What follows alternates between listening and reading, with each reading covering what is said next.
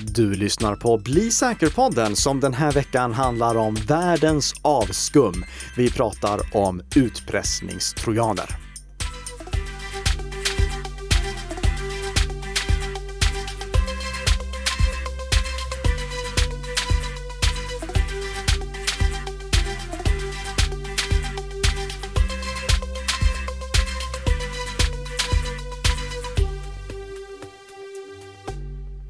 Morgon, god morgon Tess! God morgon! Vilken eh, härlig inledning. Aj, härlig inledning vet jag inte om jag skulle säga. Världens avskum. Det, men, men, det är faktiskt de människorna som vi ska prata om i den här podden. Och när du som lyssnare har lyssnat på det här avsnittet, då kommer ni förstå varför det här är världens avskum.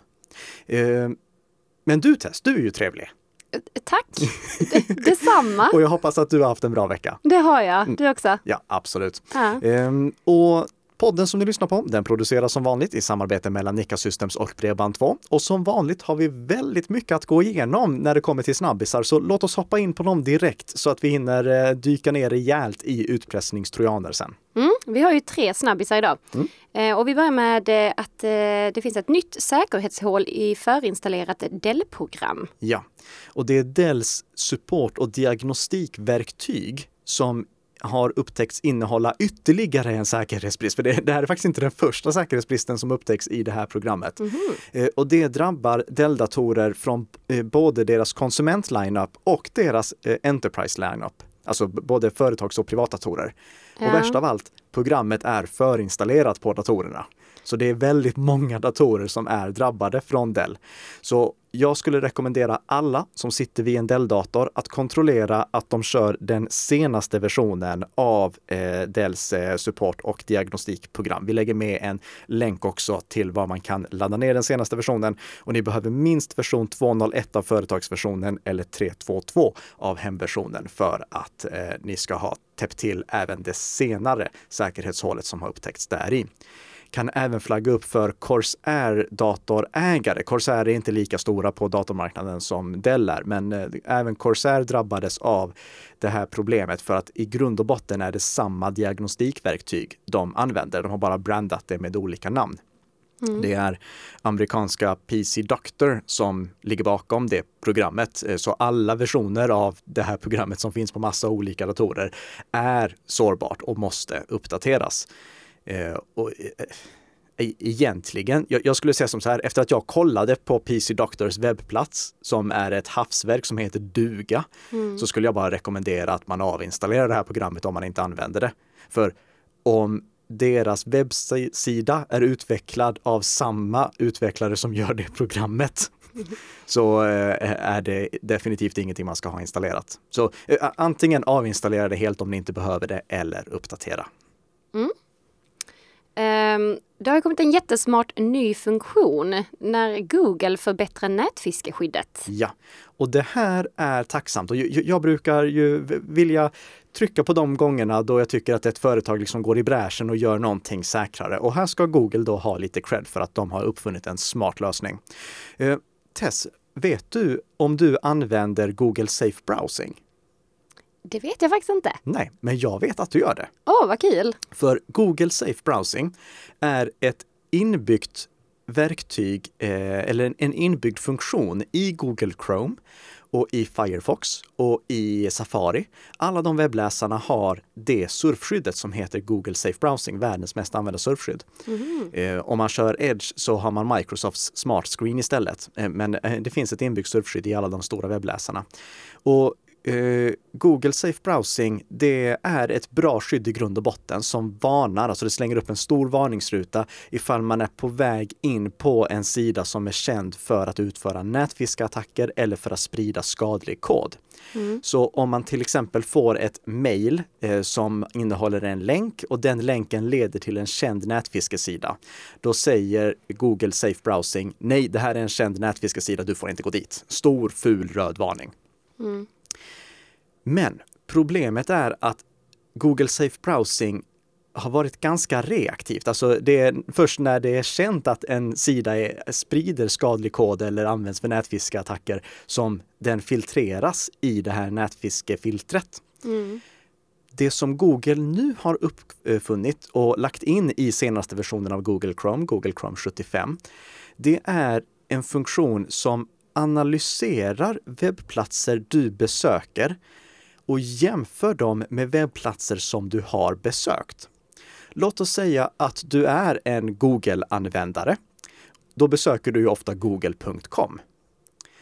Om du skulle få en länk som går till google.com fast där Google eh, är stavat med en nolla istället för ett O. Mm. Då kanske du missar det när du kollar eller liksom bara snabbt på länken. Men då jämför Google Chrome den adressen med adresser som du har besökt tidigare. Och om det enda som skiljer mellan de här två adresserna är någonting som vanligt förekommer i nätfiskattacker, till exempel att ett L är utbytt mot ett I, en nolla, eller förlåt, ett O är utbytt mot en nolla eller någonting sånt. Då säger Google Chrome, det här kan vara en nätfiskesida, var försiktig. Och det gör att de tjänsterna som man ofta använder och som man därför kanske litar på när det kommer ett mejl ifrån, eh, blir extra skyddade just för att Google ser det är ganska osannolikt att du både skulle vilja besöka webbplats A och webbplats B som ser nästan identiska ut adressmässigt och det bara är en sån här klassisk nätfiskesak som skiljer. Så riktigt bra ny funktion inbyggd i Google Chrome. Eh, kör du den senaste versionen, vilket du gör per definition i och med att Google Chrome alltid uppdateras automatiskt, så har du den funktionen som skyddar dig. Grymt Google! Och tack för den Nicka. Ja. Eh, vi går vidare här. Eh, den 21 juni så gick WeTransfer ut med följande information. Last Friday we informed our users about the security incident we discovered on June 17th. Our investigation shows that around 2.5% of our users on June 16th and 17th have been affected. From our, from our investigations, we can currently conclude that the incident was caused by a hacker adding recipients uh, to our service emails. Och vad är det som har hänt här? Eh, det är ju då att eh, WeTransfer är ju, det kan vi kanske säga först, alltså om man ska skicka stora filer som kanske inte går över mail mm. så kan man ladda upp en fil via på egentligen en webbsida eller en webbplats som heter WeTransfer. Så skickar den en länk till mottagaren som du önskar skicka filen till. Mm. Och nu har ju de skickat en fel. Nej, det är inte bra. Det är inte bra, nej. nej. Eh, det drabbar ju då bara en liten andel av användarna på specifika datum.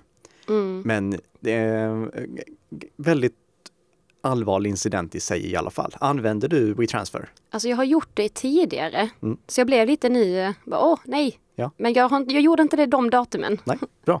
Um, och du behöver inte använda WeTransfer i framtiden för det finns någonting mycket, mycket, mycket bättre. Jaså? Ja, det som lanserades i, i mars tror jag det var. Mm. Eh, en mycket bättre tjänst. Jag, jag, vill bara flika in här snabbt att normalt sett så rekommenderar jag inte att man håller på och mejlar länkar med filer fram och tillbaka utan jag rekommenderar att man sätter upp en samarbetsplattform där man delar material med varandra istället för att skicka filer fram och tillbaka. Mm. Men jag är fullt medveten om att det inte alltid är praktiskt för att ibland så är det en person eller ett företag som man bara ska ha snabb kontakt med. Man vill bara skicka över en fil, inte ha någon relation med dem sen överhuvudtaget, utan filen ska bara dit och sen är det klart. Mm. Och e-post är ju olämpligt av väldigt många anledningar, vilket vi har pratat om genom de här avsnitten. Mm. Eh, Signal stöder bara, jag tror det är upp till 100 megabyte stora filer, så man kan inte alltid använda Signal heller. Och då behöver man någonting som till exempel WeTransfer eller det ännu bättre alternativet Firefox Send. Ja, hur funkar det då? Det fungerar ungefär som WeTransfer. Ja. Du går till sidan send.firefox.com från valfri webbläsare. Du mm. behöver inte bara använda Firefox, det här funkar i vilken webbläsare som, som helst. Och i, i och med att jag berömde Google tidigare får jag ge Google en liten känga här också. Okej. Okay. Ja. Eh, Google, ni har nu den största webbläsaren. Gör som Firefox att se till att era tjänster ändå funkar i alla webbläsare. Det är helt oacceptabelt att ni låter era egna tjänster fungera bättre eller överhuvudtaget bara i er egen webbläsare. Sluta upp med det. Det var veckans känga där. Det var veckans känga som ja. kom in där lite spontant märkte jag. Ja. ja. men i alla fall, Firefox är en fantastisk tjänst som då är utvecklad av samma organisation som gör Firefox-webbläsarna, alltså Mozilla. Och den här tjänsten låter dig skicka filer på upp till en gigabyte till vem du vill utan att behöva logga in eller någonting sånt. Du bara går till Firefox, eh, sändwebbplatsen send.firefox.com, laddar upp vilken fil du vill och får en länk tillbaka.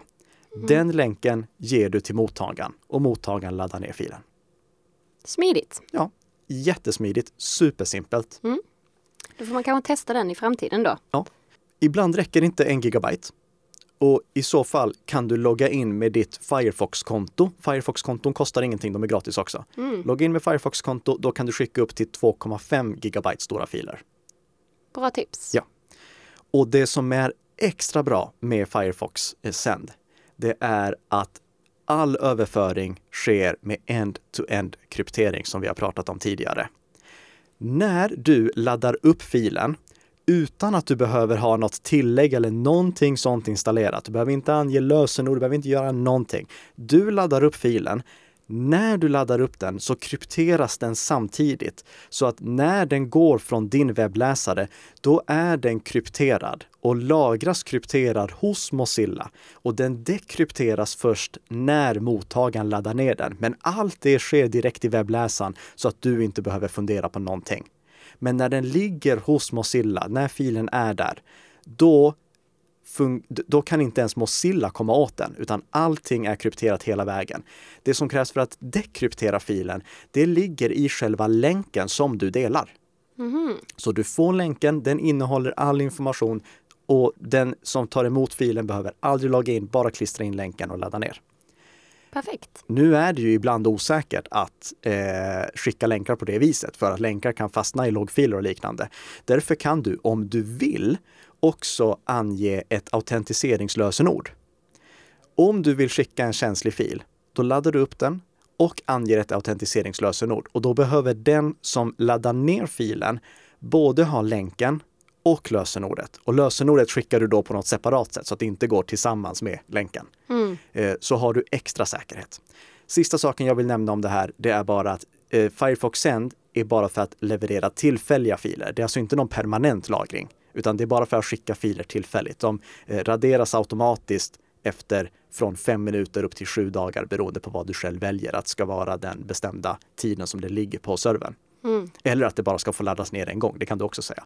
Eh, men det är alltså inte någon typ av molnlagringstjänst, utan det är bara för att skicka enskilda filer på ett säkert sätt. Och efter att Firefox eh, sen släpptes nu i mars i år så ser jag ingen anledning till att använda någon av deras konkurrenter i de sammanhang då du vill skicka filer på det viset. Mm. Okej, är det dags för veckans huvudämne? Det är dags för veckans huvudämne. Och det är utpressningstrojaner. Ja. Och, och världens avskum. Precis. Vi pratade ju lite om eh, utpressningstrojaner i förra avsnittet, mm. eh, vilket också är anledningen till att vi fortsätter prata om det nu. Då pratade vi om utpressningstrojanen Gantcrab. Eh, mm, kan inte nu... du ta det lite snabbt här igen? Ja, eh, eh, en utpressningstrojan, det är egentligen bara ett skadeprogram som infekterar din dator på något sätt genom att du eh, laddar ner ett program som är infekterat eller att du klickar på en infekterad bilaga eller sprider sig eh, ja, på något sätt. Du får i alla fall ett skadligt program på din dator.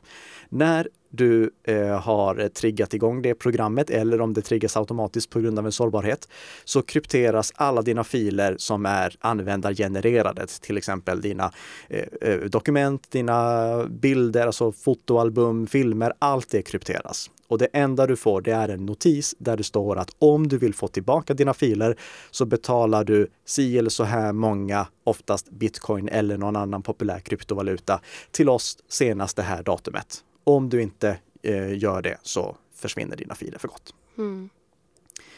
Tråkigt, minst sagt. Ja, har man mm. backup så får man ju bara återställa den. Men har man inte backup, då är det en väldigt jobbig situation. Eh, Gant Crab eh, var under fjolåret den populäraste, om man kan säga så, det var den mest frekvent använda utpressningstrojanen för att den byggde på en ganska smart affärsmodell. De som utvecklade GandCrab, de hade en affärsmodell där de tog hjälp av andra för att sprida den och sen så delade de på intäkterna så att den som spred trojanen och lyckades infektera någon fick 60% av pengarna som betalades i lösensummor och Gantcrab som utvecklade utpressningstrojanen mm. tog 40% Så det är liksom ett seriöst företag som, oj, oj, oj. som ligger bakom Gantcrab. Eh, nu har de tjänat tillräckligt med pengar på Gantcrab enligt dem själva så de lägger ner hela den verksamheten nu. Men det Vad betyder, skönt! Ja.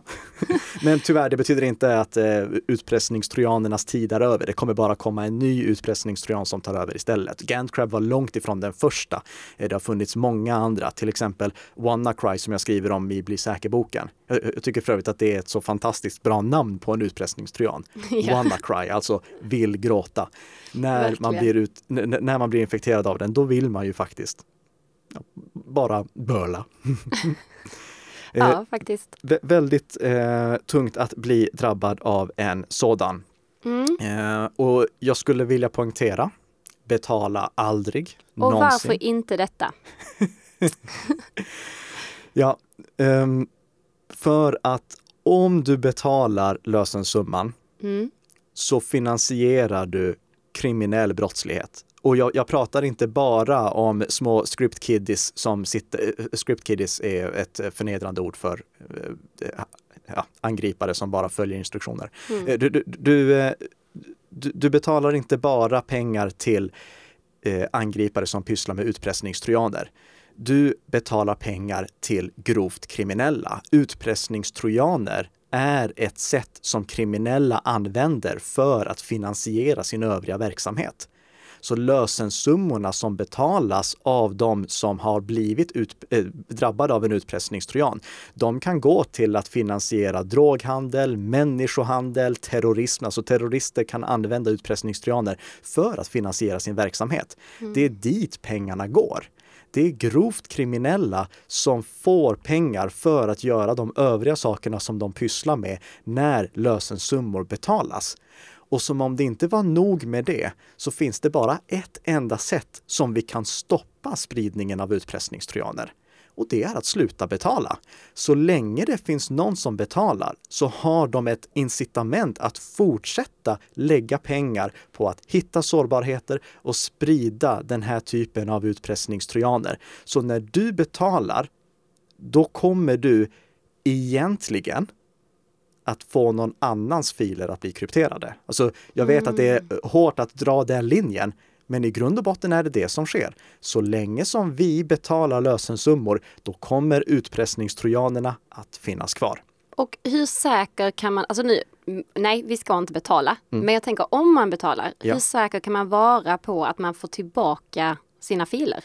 Om du skulle eh, träffa en rånare på stan mm. eh, och eh, rånaren eh, stal dig på alla dina fina tillhörigheter men lovade att lämna tillbaka dem utifall du betalade 10 000 kronor. Mm. Hade du litat på den rånaren då? Nej. Nej. och, och de här kan du inte lita på heller. Det, det, det, enda som talar för att du kommer få tillbaka dina filer, vilket du inte kan veta, Eh, men det som talar för att du ändå får det och som är anledningen till att utpressare ofta ger tillbaka filerna. Mm. Det är att om det skulle bli känt att de inte ger tillbaka filerna, då kommer de här utpressarna att sluta. Eh, då kommer framtida offer inte att betala lösensumman. Nej, så det är ju, en hel, det är ju verkligen en hel affärsmodell kring oh ja, detta. Det, det, det, det här är kriminell verksamhet på ja. hög nivå. Så de, de, det enda som gör att de har överhuvudtaget något intresse av att ge tillbaka filerna, det är för framtidens skull. Eh, men alltså, det är inget som säger att de gör det. Det är inte ens säger någonting som säger att de har möjlighet att göra det. Skriver de en dålig utpressningstran kanske de inte kan eh, gå tillbaka till hur det var tidigare. Nej. Så betala inte lösensumman. Men trots det betalas lösensumman och jag kommer återkomma till i situationer då det inte är så mm. glasklart så som jag säger. Men jag skulle först vilja ta ett exempel. Ja. Och jag tar det senaste exemplet. För redan i år har vi sett jättemånga incidenter där stora högprofilerade städer och eh, företag har blivit drabbade av utpressningstrojaner. Men jag tycker ändå den senaste är ganska eh, talande för hur det brukar se ut. Så låt oss gå igenom det. Mm. Och då ska vi bege oss till Riviera Beach i Florida. Dagen är den 29 maj. Polisen får ett mejl. Alltså polisen i Riviera Beach får ett mejl. Mm. Någon anställd på polisen öppnar det här mejlet. När det här mejlet är öppnat så finns det antingen en bilaga i det eller en länk i det. Vi vet inte om det var bilaga eller länk. Vi vet att polisen fick ett mejl, men vi vet inte vad som var eh, det som sen gjorde att de blev infekterade. Mm. Men personen öppnade bilagan eller klickade på länken. Och då bröt helvetet lös. För deras system blev utpressningskrypterade och de möttes av ett meddelande där det stod att för att få tillbaka allting var de tvungna att betala 65 bitcoins. Och om man bara ska sätta det i ett sammanhang i svenska kronor. Eh, jag tror, ni, ni som, och, och 65 bitcoins, det låter kanske inte så mycket. Nej. Men det, det är det. Eh, vid den här tiden var det 5,5 miljoner kronor. Mm. Eh, det bor 35 000 invånare i Riviera Beach. Det är ungefär lika stort som Skellefteå. Så Så det är mycket, mycket pengar. det är mycket pengar det handlar om. Mm. En vecka senare, då fungerar inte den kommunala e-posten, alltså eh, government-delen av Riviera Beach kan inte skicka mejl. De eh, har problem med telefonen. De kan inte komma åt lönesystemet utan de får göra löneutbetalningar på papperscheckar. Polisen kan inte dela ut eh, böteslappar för trafikföreteelser utan får skriva handskrivna sådana lappar. Vattenpumpsystemet har problem och de kan inte utföra kvalitetstester på vattnet. Det börjar alltså vara problematiskt. Mm. När den här veckan har gått så är det man- kan säga eh, Riviera Beach har skickats tillbaka 20 år i tiden till tiden, eh, nej, nej 30 år i tiden, eh, Mm. till tiden innan vi inte hade internet. Det är så de lever nu. Det är lite som när krisen kommer. Ja. Mm. 17 juni, då börjar de få nog. Eh, 17 juni träffas eh, de som jobbar i kommunen och röstar om huruvida de ska betala lösensumman. Och de röstar enhälligt ja till att betala lösensumman. Och det här är inte jättevanligt att vi ser att eh, städer eh, betalar lösensumman, men de valde att göra det. Så de betalar alltså de här eh, 65 bitcoinen som då var 5,5 miljoner kronor. Eh, idag eh, så är det 7,5 miljoner kronor. Eh, bitcoin går ju upp och ner väldigt mycket och nu har det gått upp så det, hade de betalat idag hade det varit 7,5 miljoner kronor. Mm. Hälften av det betalas av försäkringsbolaget. Eh, men som med alla försäkringar så om försäkringarna ska användas för sådana här saker så kommer ju försäkringspremierna att gå upp. Mm.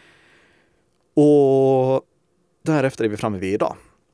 Och än idag vet vi inte om de kommer få tillbaka alla filer.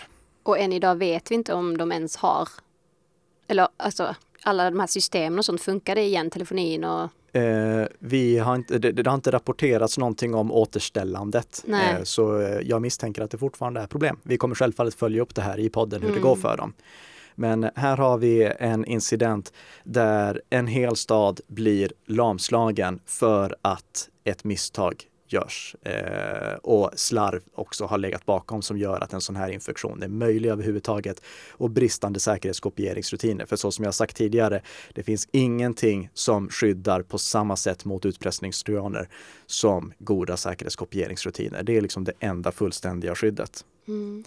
Eh, tidigare eh, i år så drabbades Baltimore och de fick ligga tiotals miljoner eh, dollar. Jag tror att jag läste 18 miljoner dollar senast på att bara få eh, eh, liksom allting återställt. Baltimore är mycket, mycket större, men Ja. det, det blev mångmiljonbelopp i dollar för återställandet och ytterligare belopp för att eh, kunna, eh, eller för att räkna på bortfallna intäkter. Och de betalade ju inte till... De, eh, de betalar inte, nej. Nej. Atlanta drabbades dessförinnan, de betalar inte heller. Men det Nej. betyder inte att kostnaderna blir låga av att man drabbas av en sån här utpressningstrojan. Det Mm. Även om man inte betalar så är kostnaderna för återställandet enorma.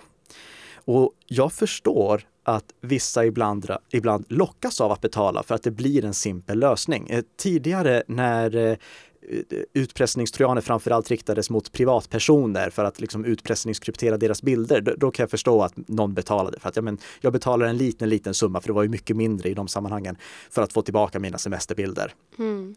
Gör inte det. Alltså, om du drabbas av det, gör inte det för du finansierar brottslighet. Men jag, jag förstår att vissa, vissa gjorde det. Och jag förstår också att en stad kan välja att göra det för att kostnaderna blir för stora. Så konsekvenserna av att bli av med allting är för omfattande.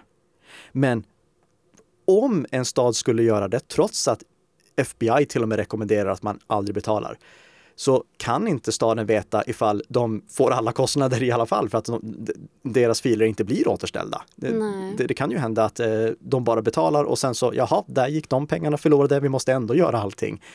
Och om de inte har åtgärdat grundproblemet som gjorde att de blev infekterade, då kan ju en annan angripargrupp som upptäckte, jaha, den här, den här staden betalar. Okej, okay, mm. då attackerar vi dem också. Så ytterligare 5,5 miljoner tack. Och sen kan du hålla på så i all evighet. Ja. Så det är jätteviktigt att man inte betalar. Men jag ska säga att det här är inte helt glasklart. Låt mig ta en situation till. Mm.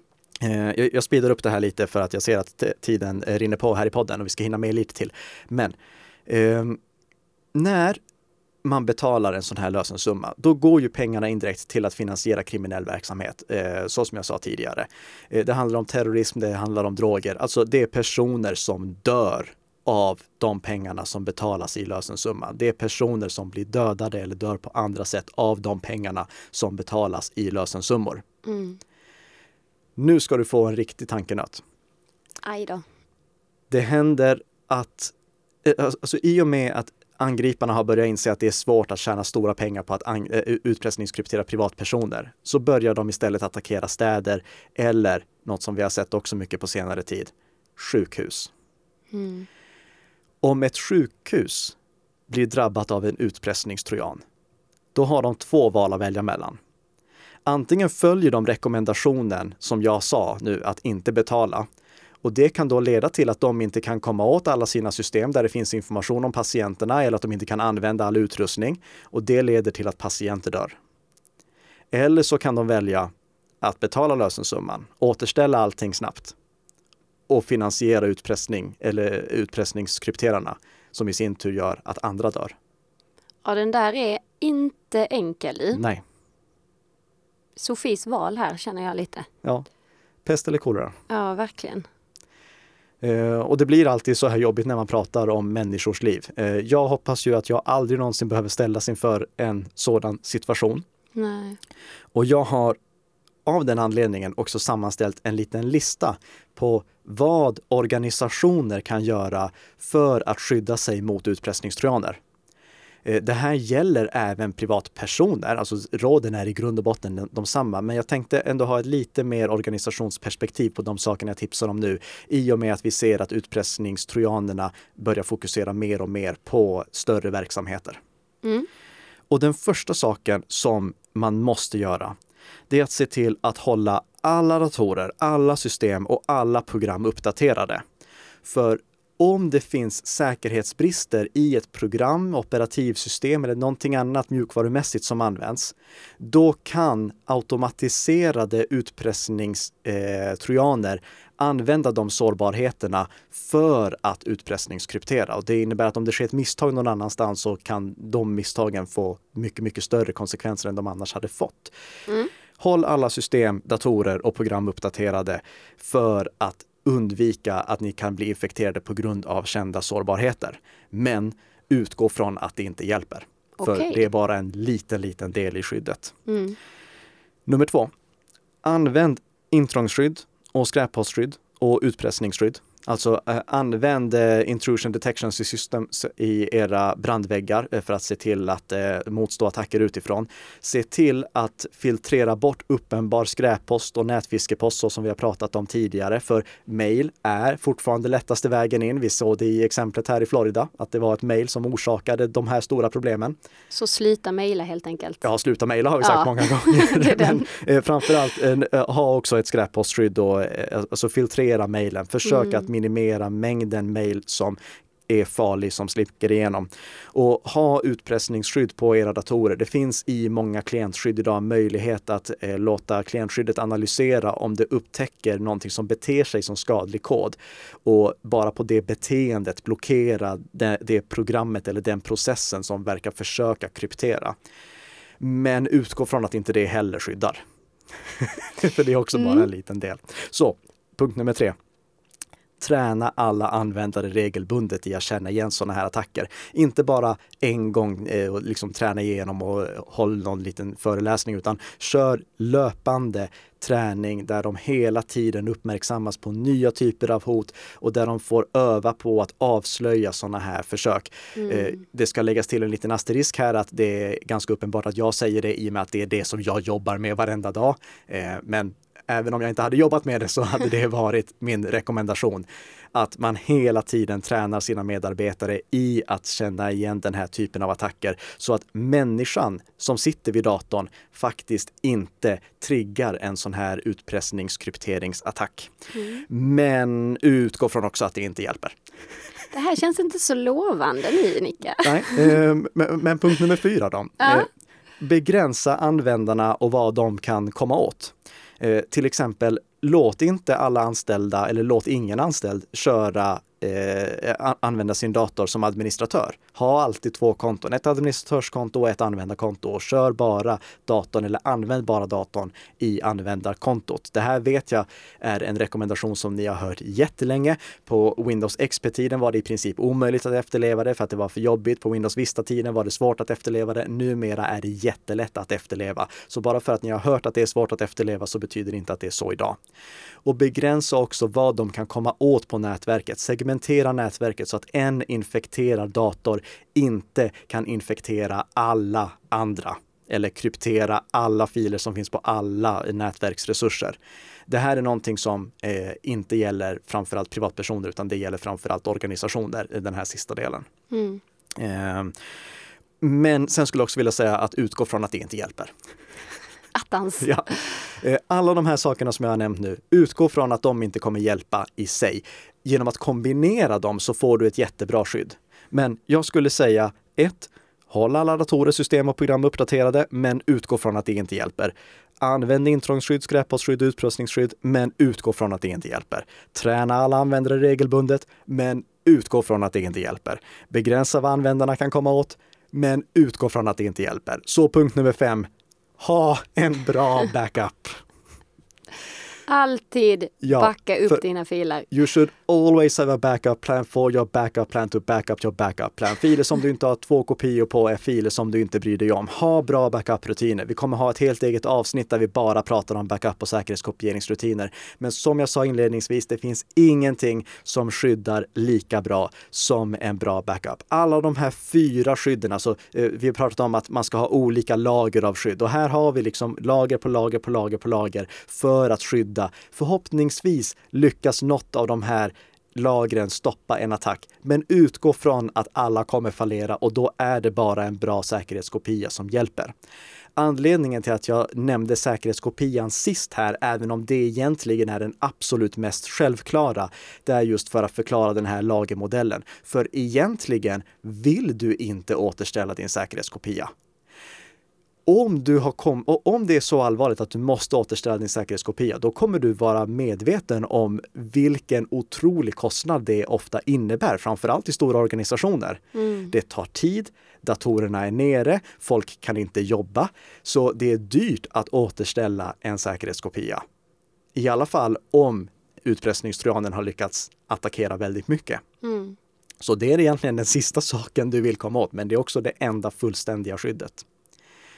Ehm, kom ihåg att testa så säkerhetskopian funkar också. Väldigt viktigt. Eh, så att ni inte bara har slagit på säkerhetskopiering utan att testa att det faktiskt fungerar. Så testa återställningen. Men kom ihåg alla de här sakerna. Fem tips. Vi sammanfattar dem på webben såklart också.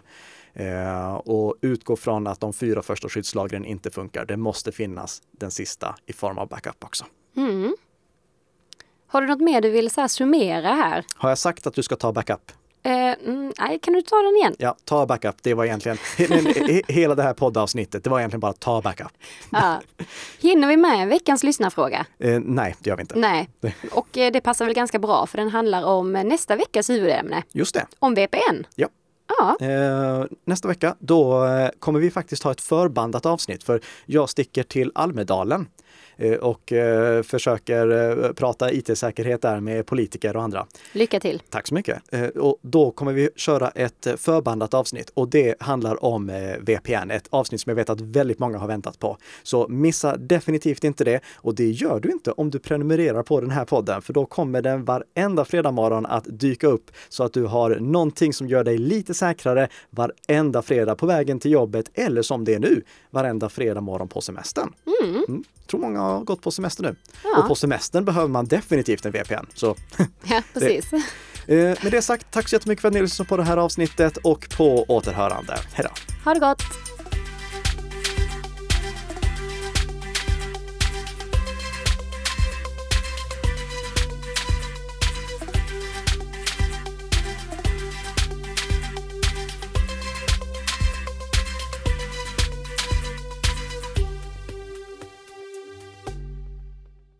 Och då ska vi bege oss till Riviera Beach i Florida.